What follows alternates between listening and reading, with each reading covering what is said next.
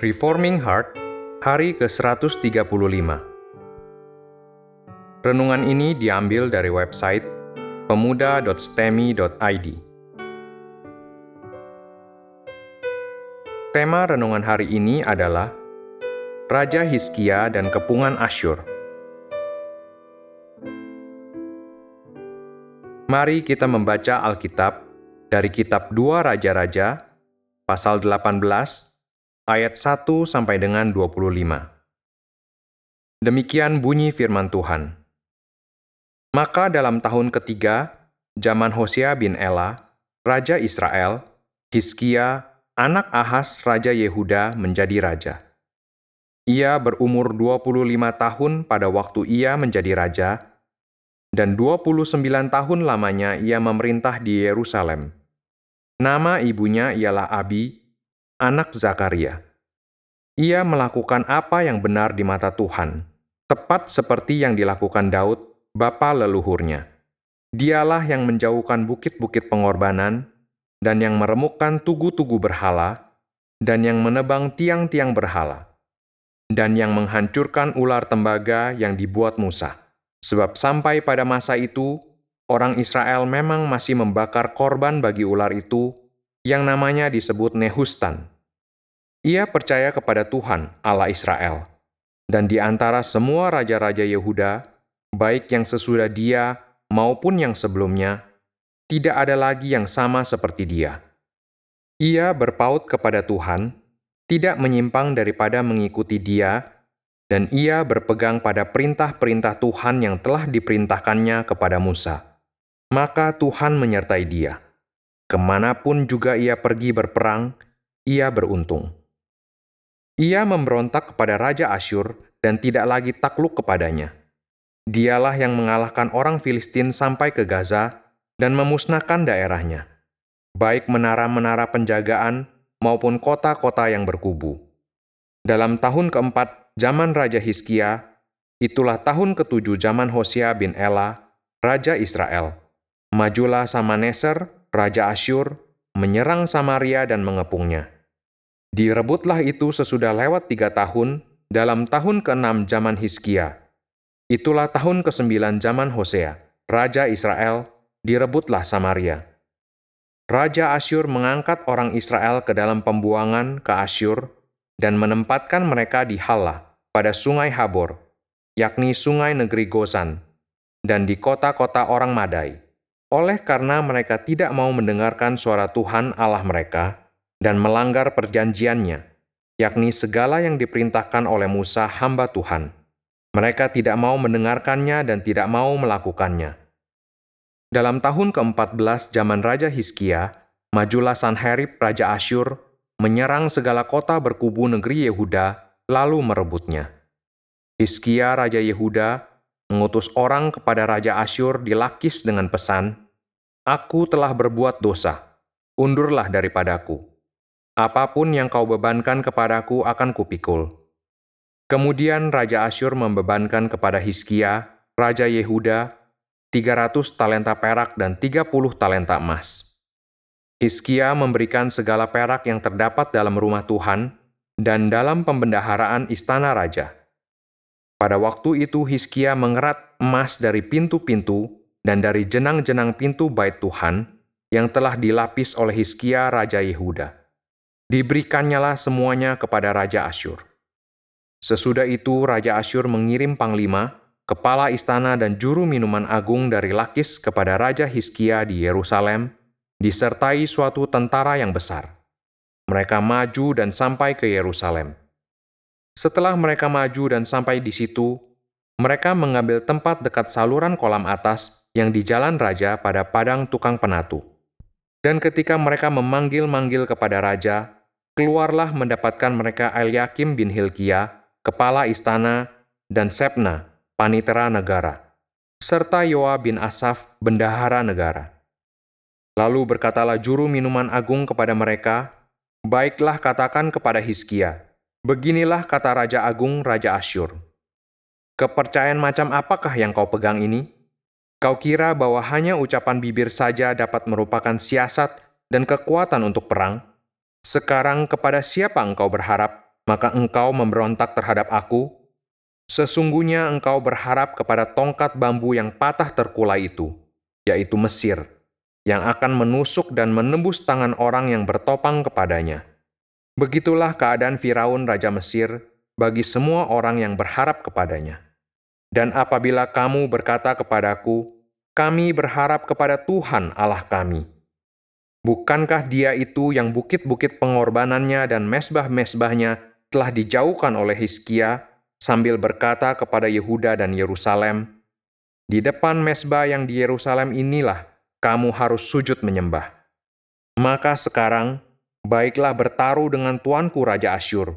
Aku akan memberikan dua ribu ekor kuda kepadamu jika engkau sanggup memberikan dari pihakmu orang-orang yang mengendarainya.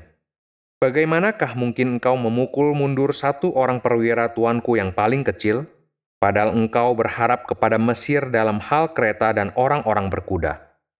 Sekarang pun, Adakah di luar kehendak Tuhan aku maju melawan tempat ini untuk memusnahkannya? Tuhan telah berfirman kepadaku, Majulah menyerang negeri itu dan musnahkanlah itu. Penjelasan Setelah Israel dihancurkan oleh Asyur, apakah yang akan terjadi pada Yehuda? Apakah bangsa Asyur akan tetap mempertahankan Yehuda asalkan mereka tidak memberontak dan setia membayar upeti? Ancaman yang begitu besar dari Asyur, beserta dengan kehancuran Israel, tentu membuat Yehuda seperti tidak mempunyai pengharapan. Tetapi ternyata mereka mempunyai pengharapan yang sangat besar karena raja yang memerintah mereka pada saat itu adalah Hizkia, anak Ahas. Meskipun ayahnya adalah raja yang sangat jahat, tetapi Hizkia menjadi seorang raja yang setia seperti Daud. Kitab Raja-Raja tidak pernah memberikan pujian seperti ini kepada seorang raja Yehuda. Kitab ini memang mengatakan bahwa Asa adalah raja yang bertindak benar seperti Daud. Tetapi Hizkia dikatakan sebagai raja yang bertindak tepat sama seperti Daud, tidak bercacat. Asa masih mempunyai kelemahan ketika dia bergantung kepada bangsa lain di dalam keadaan bahaya. Hizkia tidak melakukan itu.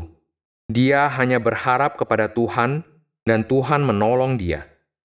Hizkia adalah raja yang diperkenan Tuhan, sama seperti Daud diperkenan Tuhan. Inilah alasan mengapa Yehuda tidak bernasib sama dengan Israel. Tanpa adanya raja seperti Hizkia, tentu Yehuda akan segera dibuang Tuhan sama seperti Israel telah dibuang. Apalagi raja terakhir sebelum Hizkia adalah Raja Ahas yang sangat jahat dan membuat sakit hati Tuhan dengan kejahatan yang sangat. Pujian penulis kitab Raja-Raja sangat tinggi untuk Hizkia. Selain dia berbuat benar tepat seperti Daud, kitab ini juga mengatakan bahwa imannya kepada Tuhan tidak pernah dilebihi oleh siapa pun orang yang pernah menjadi Raja Yehuda di ayat yang kelima. Raja yang takut akan Tuhan seperti inilah yang membuat Tuhan menolong Yehuda. Yehuda tidak hancur, melainkan terus diperkokoh oleh Tuhan. Setelah enam tahun Hizkia menjadi raja, terjadilah peristiwa yang sangat pahit itu, yaitu Israel dihancurkan oleh Asyur. Umat pilihan Tuhan sekarang sebagian telah ditaklukkan sama sekali oleh bangsa kafir. Tidak cukup sampai di situ, Delapan tahun kemudian Raja Asyur datang untuk memerangi Yehuda. Ayat 21 menunjukkan bahwa Raja Asyur pada waktu itu, Sanherib, tidak berniat untuk bernegosiasi dengan Yehuda. Dia tidak ingin upeti Yehuda. Dia juga tidak ingin negosiasi apa pun. Dia telah datang dengan maksud untuk menghancurkan Yehuda.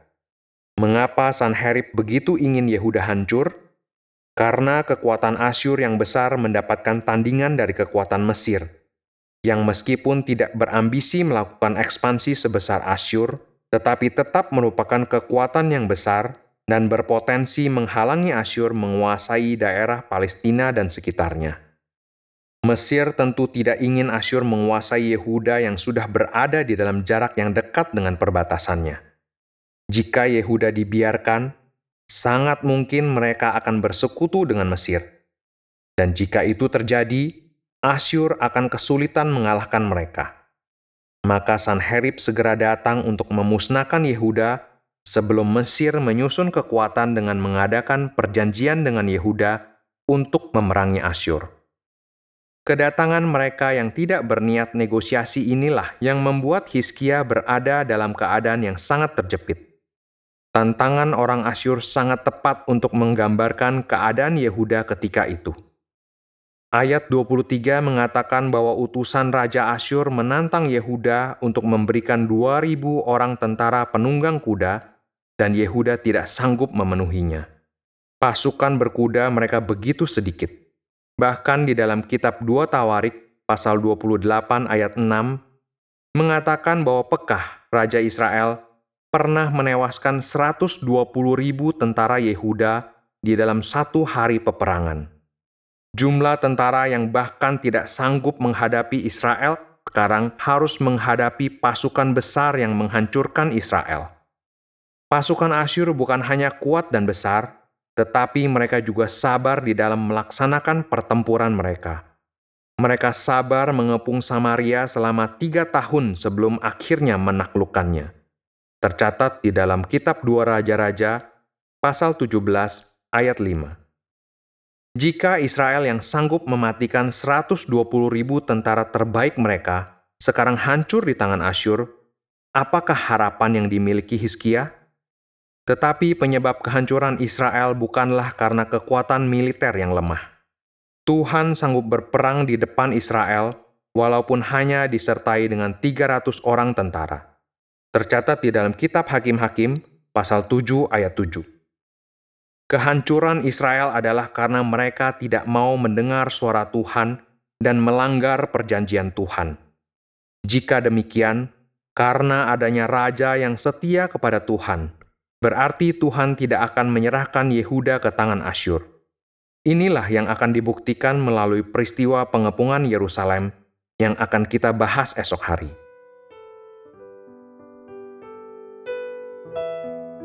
Untuk direnungkan. Terkadang kita menganggap bahwa pola perlakuan Tuhan kepada umatnya di dalam perjanjian lama tidak sama dengan di dalam perjanjian baru. Tetapi ini adalah anggapan yang salah. Tuhan bertindak sama di dalam kesetiaan dan di disiplin yang Dia kerjakan, baik bagi Israel maupun bagi gereja. Itulah sebabnya hal ini perlu kita renungkan sungguh-sungguh. Apakah kehidupan kita telah mencerminkan kesetiaan kita kepada Tuhan? Jika ya, maka Tuhan akan memberikan pimpinannya di dalam situasi apa pun. Dia tidak akan membiarkan kita tidak mengalami kemenangan iman di dalam keadaan apa pun. Dia mungkin tidak membalikkan keadaan seperti yang kita harapkan, tetapi Dia memberikan kita iman, respons kepada Allah, dan cara hidup yang penuh kemenangan di dalam segala situasi dan keadaan. Respons iman inilah kemenangan Israel dan juga kemenangan gereja. Kesetiaan kepada Tuhan dan tidak kompromi dalam keadaan apa pun, itulah kunci bagi kita untuk terus dipimpin dan disertai oleh Tuhan di dalam kehidupan kita. Raja Hosea dari Israel adalah raja terakhir dari serangkaian raja-raja jahat yang memerintah Israel. Mereka telah menjerumuskan Israel ke dalam dosa, dan karena itu Tuhan membuang Israel. Tetapi tidak demikian dengan Hizkia. Meskipun dilahirkan dari seorang ayah yang sangat jahat di hadapan Tuhan, tetapi dia tidak menjadi jahat seperti ayahnya. Dia bahkan dengan tepat menjalankan kesetiaan Daud, bapa leluhurnya. Biarlah ini menjadi contoh bagi kita. Bagaimanakah cara hidup kita? Setiakah kita kepada Dia? Biarlah kita berjuang untuk setia kepada Dia, memberikan hati yang didedikasikan sepenuhnya untuk Dia dan hanya dengan cara itulah kita akan tetap mengandalkan pimpinannya di dalam segala situasi. Tetapi orang-orang yang tidak pernah belajar setia kepada Tuhan tidak pernah mau meninggalkan dosa-dosa mereka, dan tidak pernah mempunyai hati yang sungguh-sungguh untuk tunduk dan menyembah Tuhan, mereka tidak mungkin mendapatkan penyertaan Tuhan dan janji kemenangan dari Tuhan. Penyertaan dan pimpinannya bagi kita selalu menuntut adanya kondisi ketaatan dari pihak kita. Itulah sebabnya Tuhan menjelaskan relasinya dengan umatnya dengan istilah perjanjian. Tuhan mengikat perjanjian yang mengharuskan dirinya setia kepada umatnya, tetapi perjanjian yang sama itu juga mengikat umatnya untuk setia kepada dia sebagai Allah mereka. Tuhan tidak berkewajiban untuk menyatakan pimpinan dan kemenangannya kepada mereka yang sembarangan hidup di hadapan dia. Tetapi barang siapa terus hidup dengan takut akan Tuhan dan dengan setia berusaha berkenan kepada dia, Tuhan tidak akan lupakan orang itu. Tuhan akan berjalan di depan dia dan memberikan kemenangan seperti Tuhan berjalan di depan Hiskia dan memberikan dia kemenangan iman di dalam situasi yang sangat tidak mungkin sekalipun. Pertanyaan renungan Yang pertama, jika kita harus menjelaskan posisi iman kita sekarang, seperti siapakah kita telah menjalani kehidupan iman kita?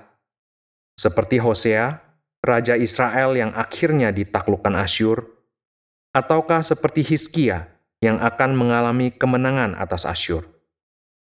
Kedua, apakah kita merasa tidak ada gunanya berjuang untuk hidup berkenan bagi Tuhan?